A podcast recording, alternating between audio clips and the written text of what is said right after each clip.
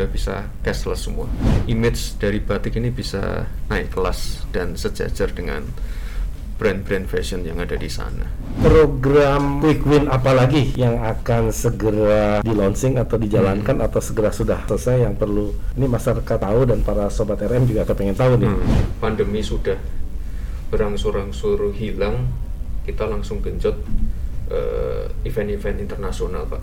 Suka tidak suka pandemi ini memaksa kita untuk go digital.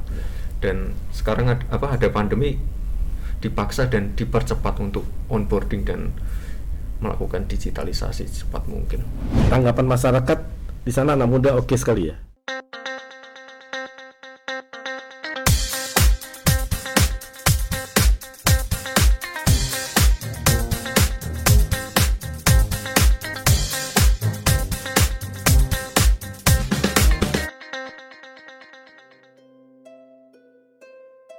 Sobat Rakyat Merdeka bersama saya di sini Wali Kota Solo Mas Gibran Raka Buming Raka.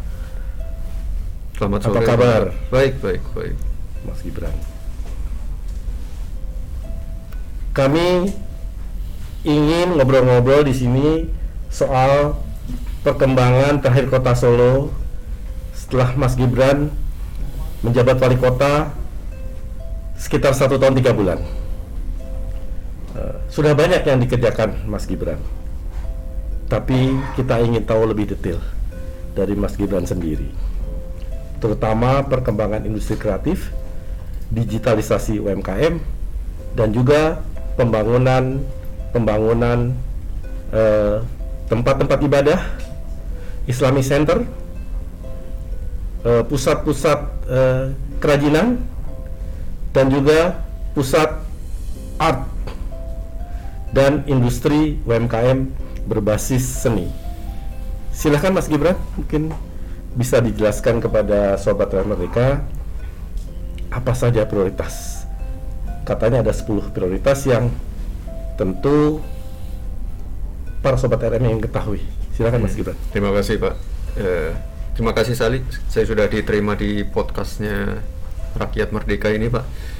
Jadi eh, kita punya uh, kegiatan dengan teman-teman HIPMI kita fokus membahas masalah UMKM ya tadi saya paparkan juga kalau nanti bulan Juni saya mengajak teman-teman UMKM pengrajin seniman untuk berangkat ke Paris. Ya, di sana kita disediakan uh, etalase khusus oleh salah satu mall yang ada di sana. Jadi nanti kita display produk-produk uh, yang khas kota Solo kita bawa batik-batik kita kita bawa batik-batik yang terutama batik-batik yang benar-benar ini apa premium. Ya batik-batik yang di atas 10 juta 20 juta kita bawa semua ke sana. Ya biar inilah apa image dari batik ini bisa naik kelas dan sejajar dengan brand-brand fashion yang ada di sana. Jadi uh, eh, UMKM produk-produk lokal produk-produk asli kota Solo ini benar-benar uh, kita jaga ya Pak ya. Terutama untuk UMKM-nya juga di acara acaranya HIPMI juga saya jelaskan kalau yang namanya UMKM ini harus kita dampingi dari A sampai Z. Dari packagingnya, brandingnya, dari perizinannya, dari masalah pembiayaannya. Kan karena banyak UMKM ini yang belum ini belum bankable tidak bisa mengakses bank. Ya kebetulan kemarin sebelum saya berangkat ke Jakarta kita ini apa mencairkan atau menyalurkan ini bantuan kur untuk 1000 1000 pelaku UMKM di Solo.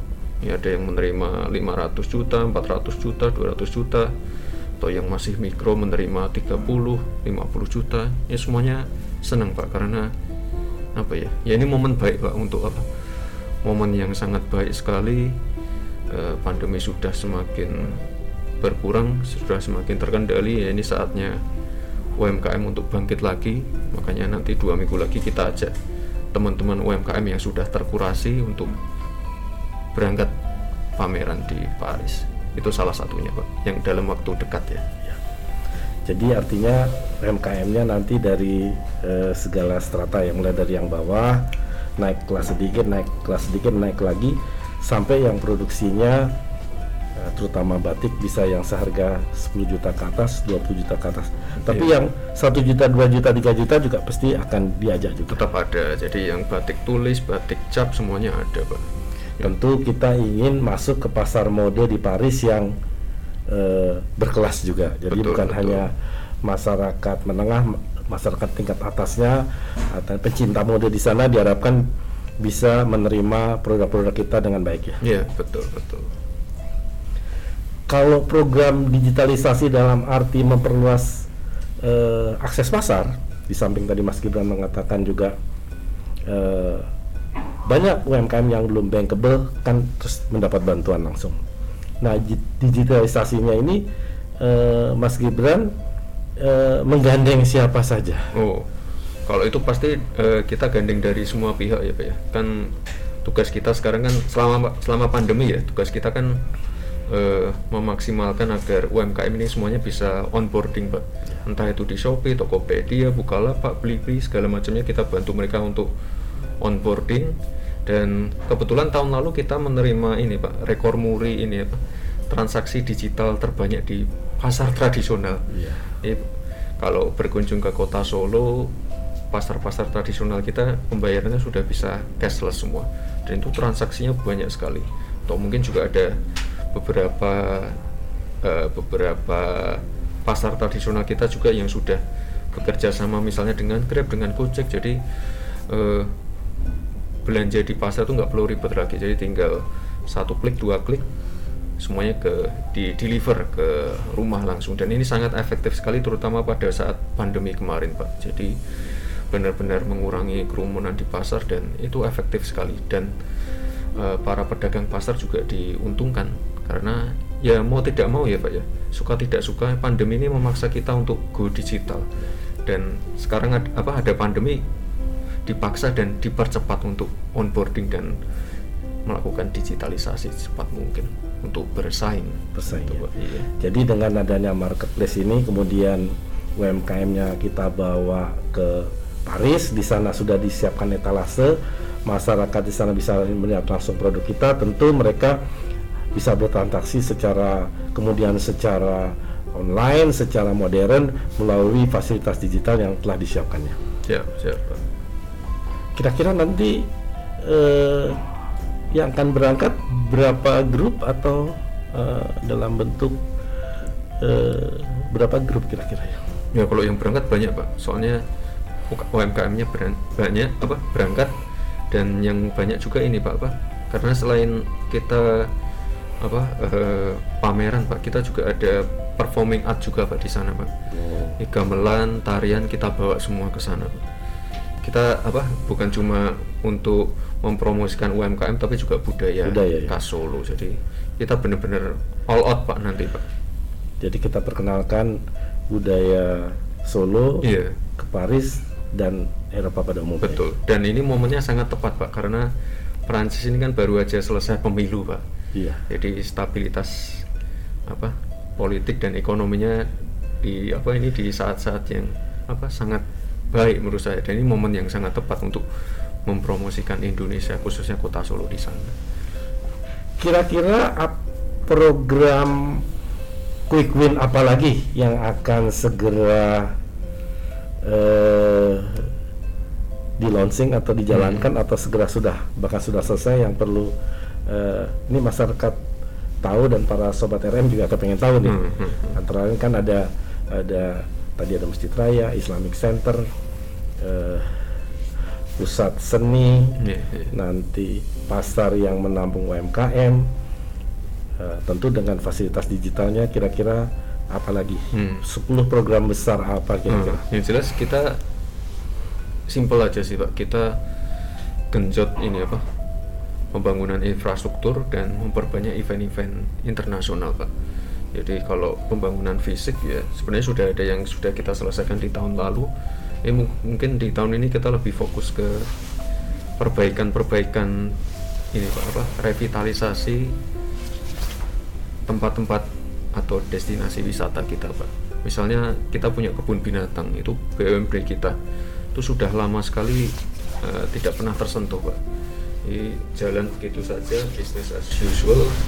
Dan apa di tahun lalu pas waktu covid juga sempat uh, merugi karena tidak ada pengunjung. Ya ini sekarang sudah kita kerjasamakan dengan Taman Safari pak. Ini nanti uh, di akhir tahun Desember 2022 ini kita punya kebun binatang baru yang sudah nanti akan lebih baik lagi. Manajemennya juga profesional dari Taman Safari. Ini salah satunya pak. Lalu kita juga punya studio rekaman pertama ya ya Lokananta ya. Lokananta ya. Nah, itu nanti juga di revitalisasi juga menjadi ini apa? Ya semacam kreatif hub lah pak. Tapi kreatif hub khusus untuk seniman dan pemusik. Lalu tadi juga sudah disebutkan masalah masjid itu uh, masjid pemberian dari MBZ ini nanti mungkin di akhir tahun ini juga akan selesai pak. Itu nanti juga jadi salah satu ini apa destinasi wisata religi yeah. yang baru di kota Solo. Lalu juga uh, ada tempat-tempat lain juga yang kita fokuskan untuk wisata. Misalnya uh, uh, mungkin nanti di share aja ya pak ke pemirsa yeah. rakyat merdeka. Kita punya uh, yang namanya uh, Taman Bali Kambang di situ biasanya untuk pusat ini pak untuk orang nonton ketoprak dan iya. lain-lain yeah. kita juga ada uh, uh, perbaikan atau revitalisasi beberapa koridor yang nanti harapannya bisa seperti Malioboro pak yeah.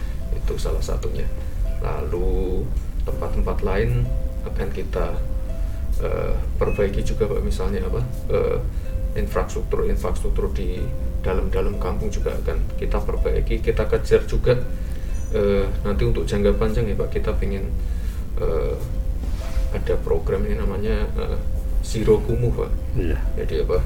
Kita sedang memperbaiki beberapa klaster-klaster di kota Solo yang dianggap area kumuh. Ini sedang kita perbaiki semua. Jadi uh, ada yang kita bangunkan rusun ada yang landed house nanti semuanya akan kami perbaiki pak punya dari drainase jalannya rumahnya semuanya kita perbaiki semua jadi benar-benar yang namanya kumuh itu bisa apa area kumuh itu bisa hilang di kota Solo. Jadi per, perkampungan padat penduduk nanti tidak akan menjadi perkampungan kumuh. Betul itu pak. Ya.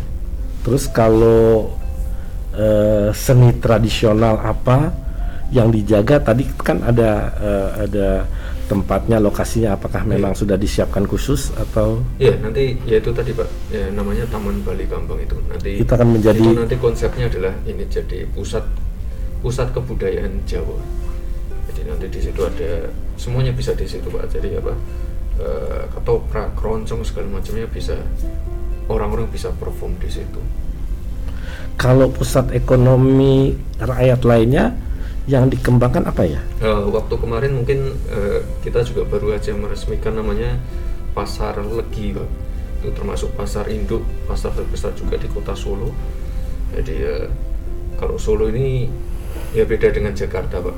Perputaran uangnya kebanyakan di di ini Pak di pasar-pasar tradisional dan pasar yang saya sebutkan tadi 24 jam tidak pernah tutup Pak. Jadi ada terus jadi ya salah satunya itu Pak revitalisasi untuk pasar-pasar tradisional kita juga dan tadi sudah saya sebutkan juga semua pedagang pasar sekarang melek teknologi bisa transaksi secara cashless.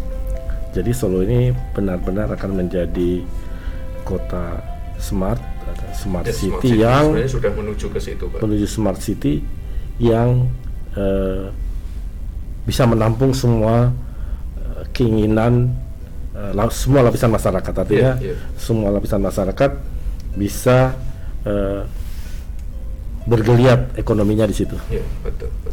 Terus apalagi nih kira-kira uh, dalam waktu dekat ini yang akan dilakukan uh, hmm. Mas Gibran, terutama kan pandemi ini sudah melandai yeah, yeah.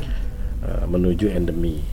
Pertumbuhan ekonomi kira-kira uh, dari minus sekarang sudah positif. Kira-kira angkanya berapa? Hmm, okay. Dan kira-kira akhir tahun uh, ditargetkan berapa gitu. Hmm, Kalau dengan dengan dengan kondisi seperti ini yang kemungkinan atau mudah-mudahan tidak terulang lagi terjadinya uh, kenaikan yang signifikan terhadap kasus positif COVID gitu. Ya, ya kalau Solo ini kan Solo ini kan kota kecil ya Pak ya, cuma 44 km persegi. Kita PAD-nya murni dari pajak dan retribusi saja. Ya. Ada yang namanya perikanan, pertanian, pertambangan kan nggak ada semua di Solo. Itu murni dari pajak dan retribusi. Eh, pada waktu saya saat pertama kali menjabat tuh minus 174.